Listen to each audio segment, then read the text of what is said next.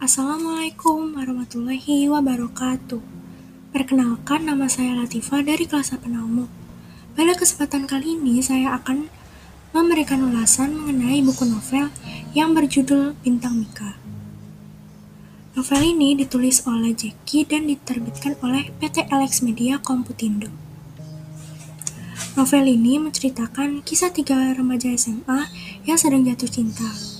Mika adalah seorang gadis yang menyukai Rega yang berprofesi sebagai pengamen. Mika sudah menentukan sikapnya untuk memilih Rega. Namun, Andar, seorang anak yang terkenal di sekolah karena kekayaannya dan menjadi rebutan cewek-cewek, selalu berusaha mendekati Mika. Pilihan sudah ditentukan, Gayung bersambut, tapi Mika harus rela kehilangan Rega karena narkoba. Pesan moral yang bisa saya dapat dari novel ini adalah kita tidak boleh menilai orang dari luarnya saja. Novel ini juga memiliki kelebihan, yaitu memiliki, memiliki cover yang menarik dan cerita membuat para pembaca penasaran. Tidak hanya kelebihan, tetapi buku ini juga memiliki kekurangan. Menurut saya, mungkin buku ini tidak cocok untuk para pembaca yang menyukai ending bahagia.